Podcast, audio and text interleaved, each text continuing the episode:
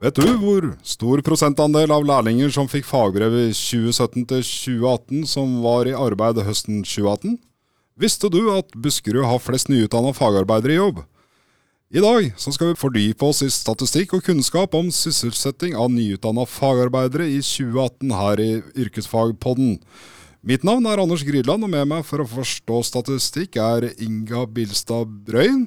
Rådgiver i Avdeling for kunnskap og formidling i Utdanningsdirektoratet. I forrige episode gikk vi gjennom de ulike veiene for å oppnå fag- og svennebrev. Men det er greit med en rask gjennomgang, så vi henger litt med i samtalen i dag. Carl Gunnar Kristiansen, du er seniorrådgiver i Utdanningsdirektoratet. Hvilke hovedveier til fag- og svennebrev har vi? Uh, ja, det, først av alt når det gjelder det norske systemet inn mot fag- og svennebrev, så har vi en fleksibel ordning. Uh, vi har tilrettelagt et system uh, der det er mulig for de aller fleste nordmenn å kunne ta fag- og svennebrev på ulike måter. Jeg vil si Vi har to hovedmodeller. Vi har jo den ordinære ungdomsmodellen, som jo er to pluss to-modellen. Der man går to år i skole, for deretter å tegne lærekontrakt. og Normallengden på læretiden er jo da to år. Hvor man deretter går opp til fag svenneprøve. Så har vi også en voksenmodell for voksne som heter praksiskandidatordningen. Kort fortalt så er det en ordning der man basert på erfaring og i, i sin egen jobb går opp til fag svenneprøve. Man må ha fem års relevant praksis innen fag og avlegge en teoriprøve. Så kan man gjennom det systemet også gå opp til fag svenneprøven. Uh, og veldig kort, I tillegg til det så har vi ulike fleksible modeller uh, som fylkeskommunene uh, på eget initiativ kan tilrettelegge for den enkelte. vi kan nevne fagbrev på jobb. vi jobber nå med å prøve ut modulstrukturert opplæring, slik at vi til sammen har et godt og fleksibelt system, slik at de aller fleste kan finne en vei fram mot et fagbrev. Hvis jeg tenker at fagbrev, det bør jeg ha. Hvordan finner jeg fram i det systemet? Hvem kontakter jeg? Ja, Det fins ulike informasjonskilder. Vi har altså utdanning.no, som er en uh, veldig god informasjonskilde. Uh, men mitt beste råd er faktisk å kontakte fylkeskommunen. fordi at her handler det ofte om å tilrettelegge for en modell som passer den enkelte. Og der er det fylkeskommunen med sin rådgiverkompetanse som er uh, det jeg vil anbefale. Ja, så bra. Men Inga, hvordan går det med dem som begynner i læretid? Ja, så For å oppnå fag- og svennebrev, så må lærlingen fullføre læretiden og bestå eh, fagprøven.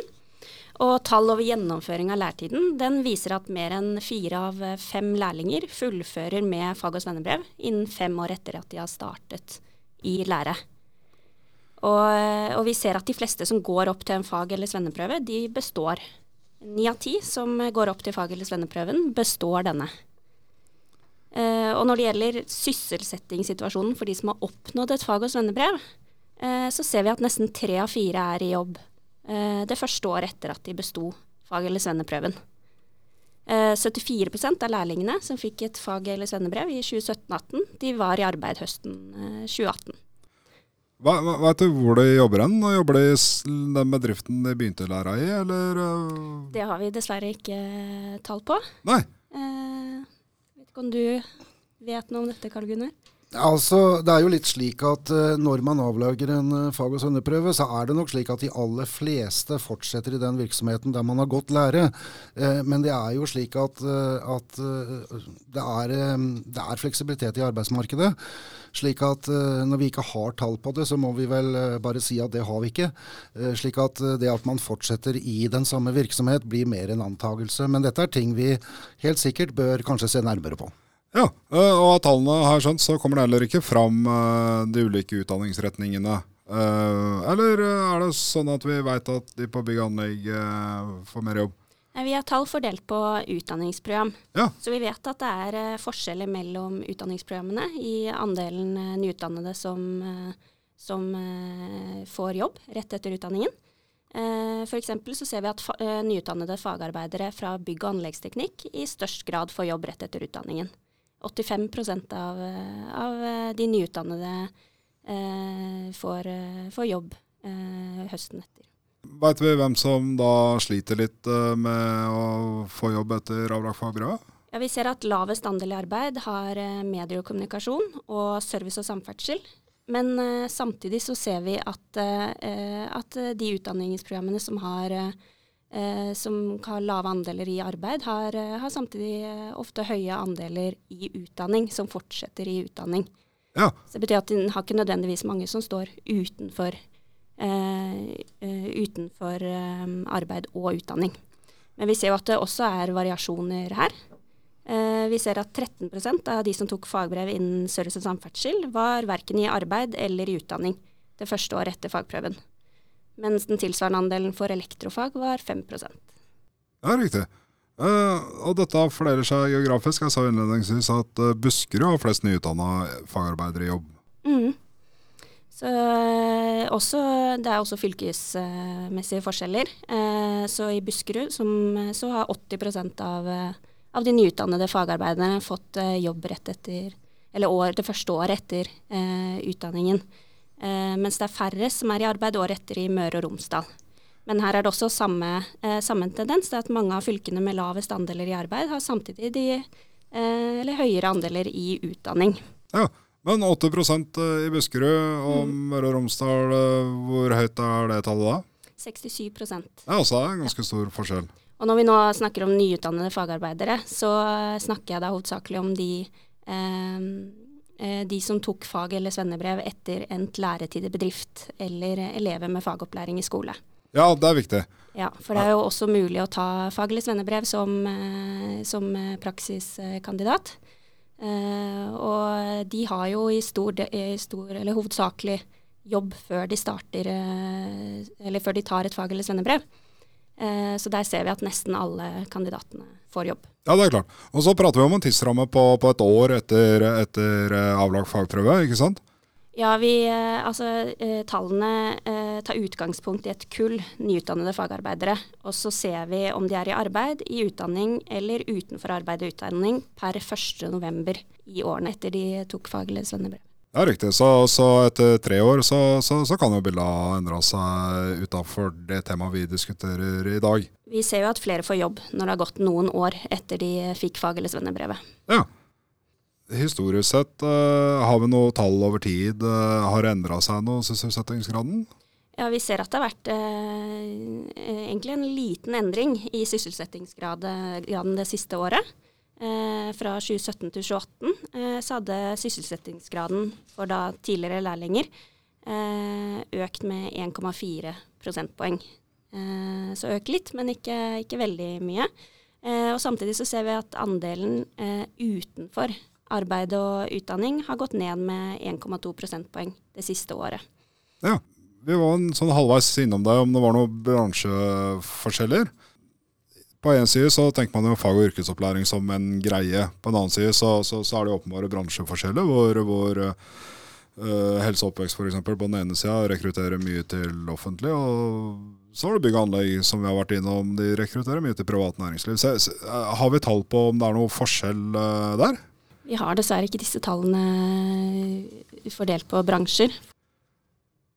Skal vi ha. Jeg leser i rapporten at ti fylker har hatt en økning i sysselsettingsgraden for tidligere læringer, og så er det noen som har hatt nedgang. Mm. Uh, Veit vi hva nedgangen skyldes? Er det konjunkturer i arbeidsmarkedet, eller? Det har vi ikke sett noe særlig på.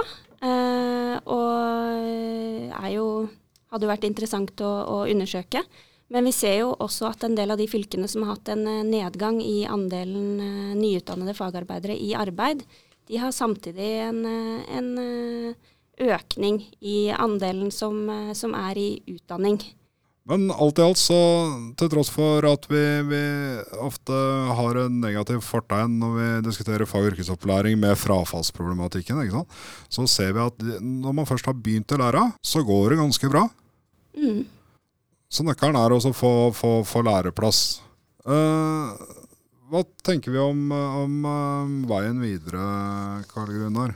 Uh, aller først, så, så, som Inga sier, så har vi altså en økning, dog svak stigende økning, på antall uh, sysselsatte i, uh, i fagvirksomheten. Og det er vi egentlig veldig glad for. Fra Utdanningsdirektoratets side så gjelder det å stimulere og hjelpe fylkene til at den trenden skal fortsette, slik at vi får flest mulig ut i fast arbeid etter at de har avlagt fag- og svennebrev. Og det vi ser, det er at et, et, nøkkelpunkt er økt samarbeid mellom skole og arbeidsliv. Vi har i dag faget yrkesfaglig fordypning, som er henholdsvis 20 og 30% på henholdsvis VG1 og VG2. Altså en stor andel av, av opplæringen i skole trenden går de siste årene, har vært at samarbeidet skole og arbeidsliv blir bedre og bedre. Jeg tror at det er litt av årsaken til at vi ser denne svake stigningen. Og det er viktig for oss å stimulere videre til, til at dette, denne utviklinga fortsetter. Og eh, Direktoratet har i 2018 og 2019 bevilga til sammen 40 millioner kroner nettopp til fylkeskommunene for å eh, etablere samarbeid med arbeidsliv. Eh, det er et tiltak som vi tror er viktig, og, og som vi vil se på hvordan vi da kan videreføre. Men de som er kjappe i huregning, 40 mill. To mil per fylkeskommune sånn cirka. Hva får man for to mil om dagen? Ja, det kan du si. Det som er viktig her, det er at direktoratets rolle i en sånn situasjon, det er å stimulere og starte tiltak. Slik at eh, tanken er jo ikke at vi på noen som helst måte skal fullfinansiere et fremtidig samarbeid mellom skole og arbeidsliv. Men statens rolle oppi det hele her, er å stimulere, støtte og bidra til at utvikling går i riktig retning ute i våre fylkeskommuner. Slik at selv om det ikke er eh, den store økonomiske potten, så har vi klare tilbakemeldinger fra fylkeskommunene om at dette har vært veldig positivt. Eh, blant annet har man ansatt altså egne ansatte som jobber kun med formidling av elever til læreplasser.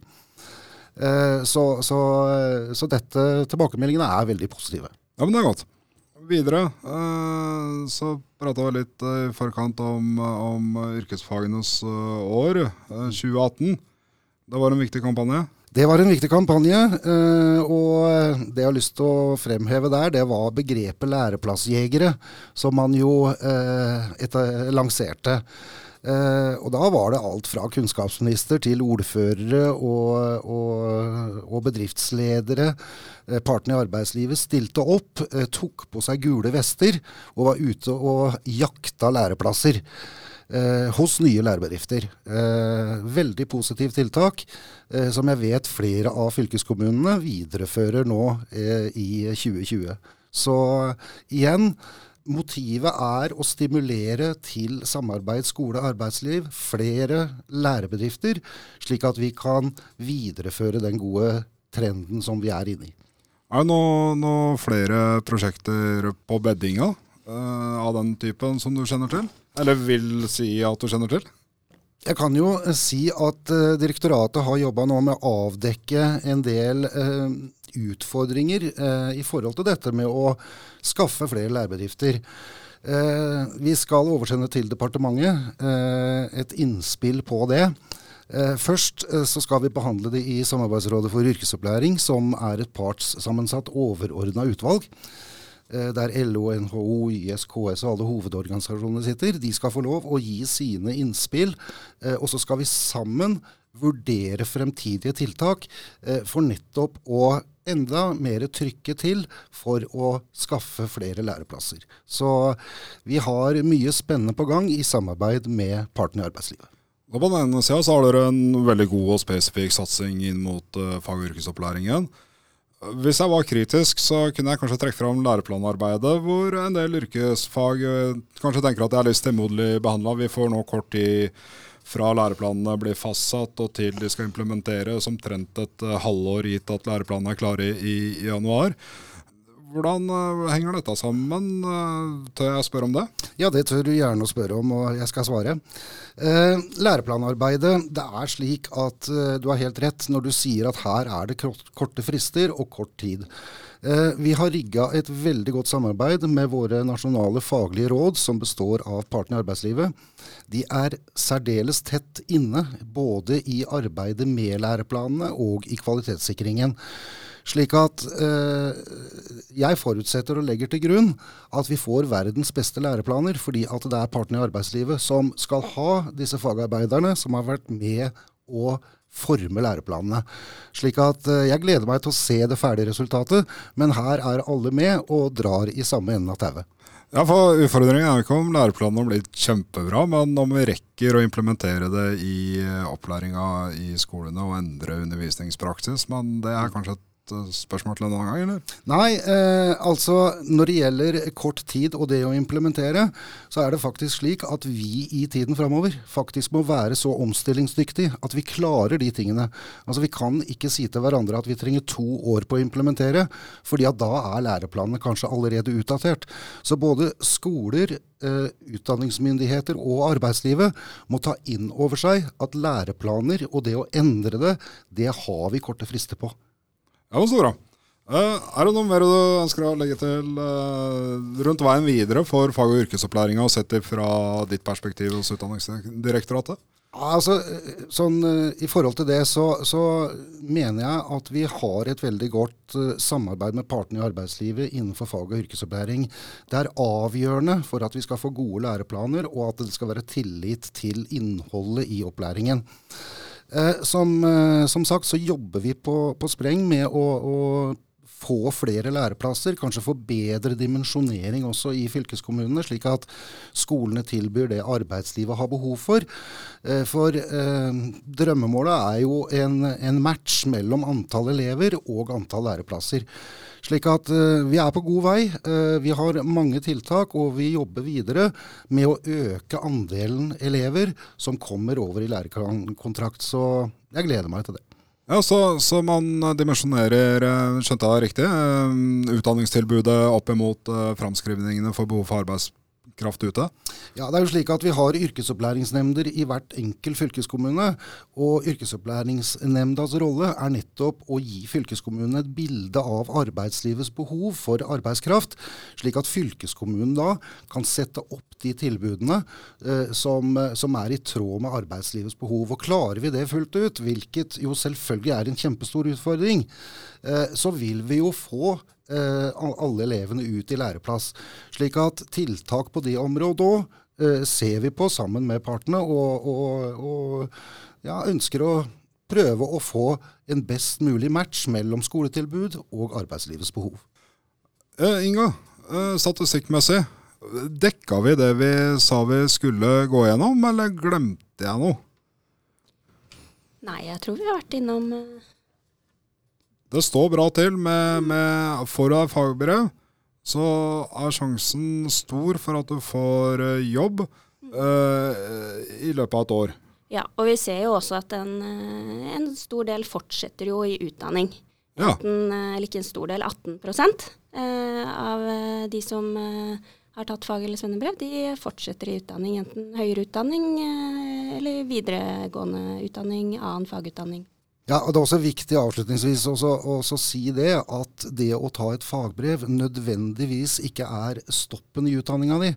Vi har veldig mange gode tilbud gjennom fagskolesystemet. Vi har ulike Y-veier, som de kalles. Og man kan også ta påbygg eh, til, med studiekompetanse og gå videre i høyskolesystemet. Og eh, Arbeidslivets parter sier jo det at eh, de ingeniørene vi ønsker, det er de med fagbrev i bånn. Takk for at dere kom, Inga Bilstad Brøyn og Carl Gunnar Kristiansen fra Utdanningsdirektoratet. Husk at uh, dere kan abonnere på Yrkesfagpodden. Det kan dere gjøre hos uh, iTunes eller Spotify eller den uh, favorittappen du har til å høre på podkaster. ofte så kan man også gi Yrkesfagpodden en, en rating, og det er gøy. dere kan også gå inn på Facebook-sidene våre og delta i diskusjon og stille spørsmål rundt episodene. Uh, og Den finner du ved å gå inn på Facebook og søke opp Yrkesfagpodden. Ønsker du mer informasjon om Yrkesfagpodden og uh, den artikkelen som eh, vi i hovedsak har diskutert i dag, uh, så legger vi et lenke der på uh, www.ksioslomet.no.